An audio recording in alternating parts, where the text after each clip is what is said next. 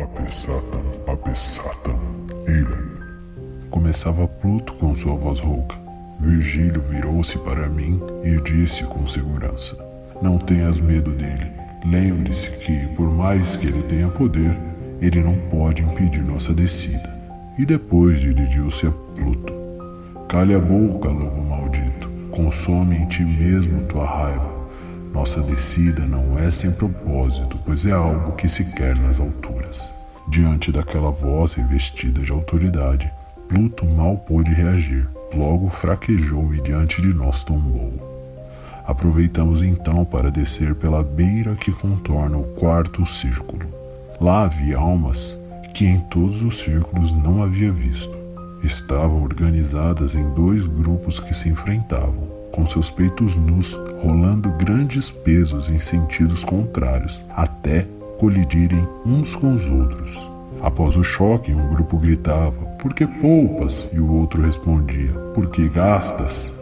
Depois do choque, seguiam em sentido contrário até se encontrarem novamente do outro lado do círculo, e assim continuavam por toda a eternidade.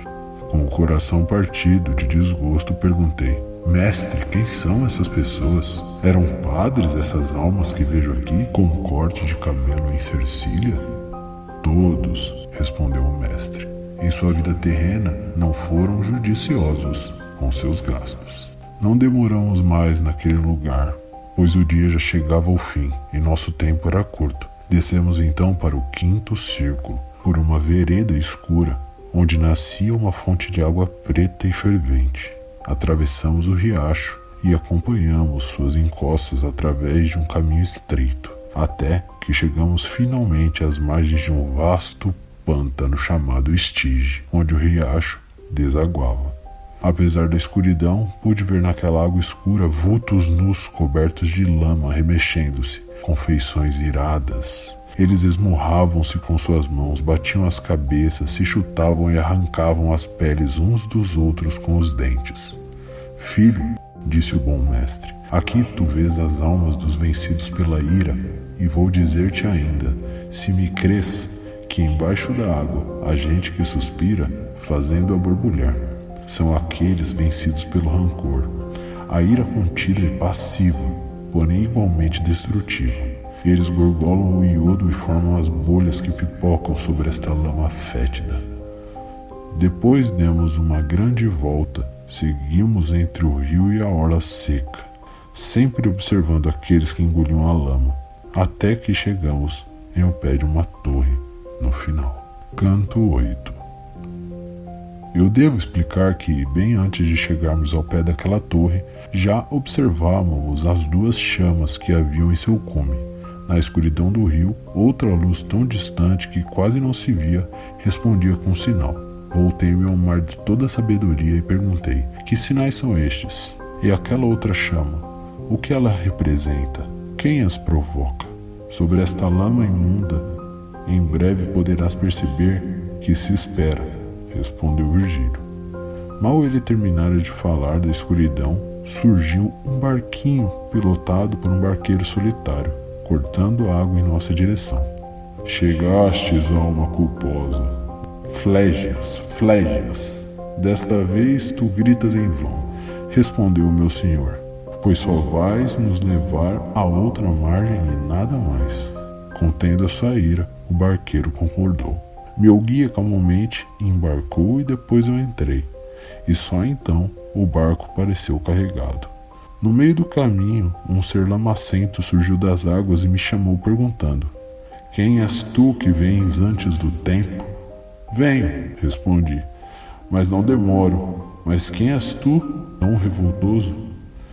Eu sou um dos que chora, como podes ver. Com o choro e com o luto, espírito maldito, que assim permaneças, pois eu te conheço, mesmo tão sujo. Depois que eu lhe respondi, ele irritou-se e saltou sobre o barco tentando me agarrar. Virgílio, porém, foi mais rápido e conseguiu lançá-lo de volta no rio. No mundo, este homem foi uma pessoa orgulhosa, disse o mestre, e nada de bom resta em sua memória. Por isso é que sua alma está aqui, tão furiosa. Quantos lá em cima se julgam grandes reis e aqui estarão como porcos na lama? Mestre, falei, muito me agrada também vê-lo aqui afundando na lama antes que saíssemos deste lago. Antes que apareça a outra costa, respondeu o mestre, teu desejo será satisfeito. Pouco depois, ouvi seus companheiros o massacrarem. Eles gritavam: Vamos pegar Felipe Argentini! Deletei-me ao ver aquele florentino arrogante morder a si mesmo com os dentes de raiva, e lá o deixei. E disso não falo mais. Comecei então a ouvir vozes dolorosas que me impeliram a olhar adiante. E agora, meu filho, chamou meu mestre, nos aproximamos da cidade que se chama Dit, com seus tristes cidadãos e grande companhia.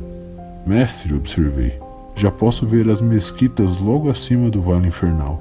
Elas brilham, vermelhas como ferro em brasa. É o fogo eterno que arde no interior que faz esse brilho rubro se espalhar pelo baixo inferno, completou Virgílio. Entramos no fosso que cerca a cidade e Flégias deu uma grande volta em torno dela, onde pude observar seus muros que pareciam de ferro. Quando chegamos diante daquela cidade, Flégias gritou alto com toda a força: Saiam, saiam logo! É aqui a entrada.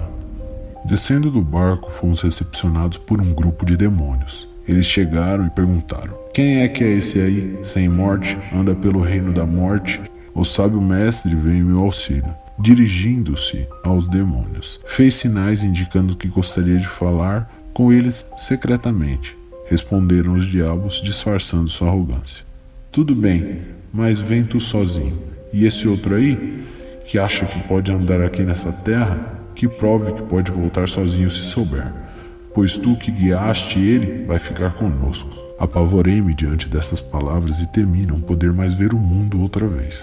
Caro meu guia, chorei em desespero, que tantas vezes me deste segurança. Não me deixes, por favor. Se não puderes prosseguir nessa jornada, que voltemos, sem demora. Mas ele confiante me respondeu: Não temas, porque o nosso passo ninguém pode impedir. Mas espera aqui e descansa. Não deixes de ter esperança, pois podes ter certeza que não te deixarei sozinho neste mundo baixo. Ele falou e foi encontrar-se com os diabos e eu fiquei só a observar de longe. E não ouvi a conversa, só vi a briga de longe e a porta da cidade se fechar diante de Virgílio, que voltou para mim cabisbaixo, em um passo lento. Olha só quem me nega a cidade da dor, disse triste, mas não temas, pois ainda vencerei esta prova. Conheço alguém que ainda pode nos abrir a cidade.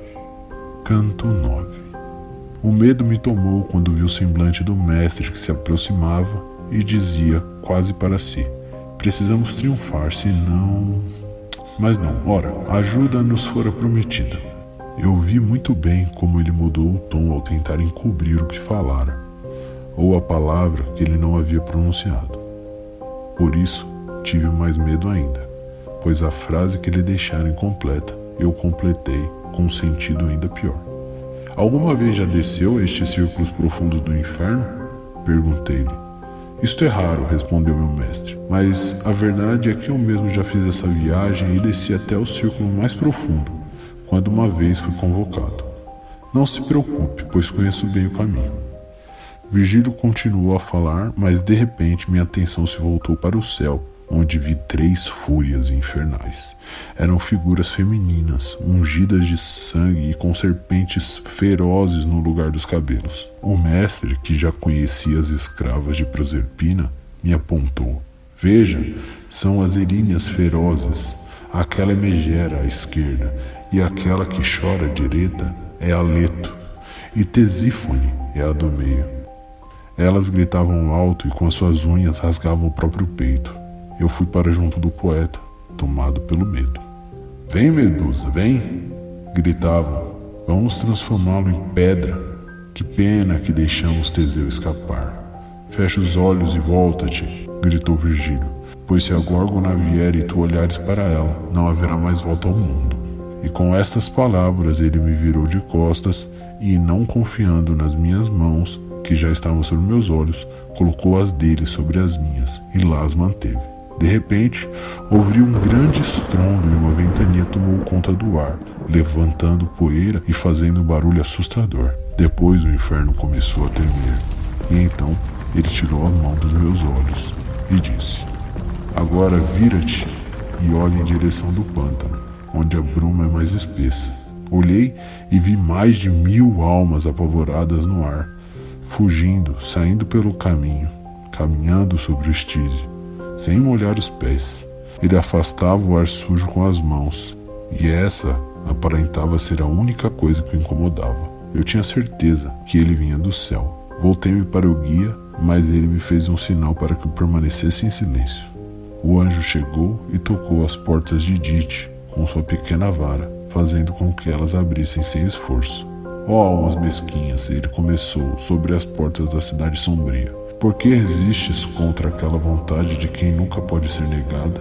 Mais de uma vez, só fez aumentar o vosso sofrimento. Depois de falar, voltou pelo mesmo caminho por onde tinha chegado. Nós depois prosseguimos seguros por suas palavras sagradas e entramos sem dificuldade pela porta principal. Já dentro da cidade encontramos um cemitério de tumbas abertas, de onde se ouvia lamentar de muitas vozes que queimavam em brasa dentro de covas. Mestre, perguntei, que sombras são estas que aqui jazem e que só podem perceber pelos seus lamentos? São os hereges e seus seguidores, respondeu-me Virgílio. Em cada tumba repousam os réus de uma mesma seita que são torturados pelo fogo eterno. Dobramos então à direita e continuamos a caminhar entre a muralha da cidade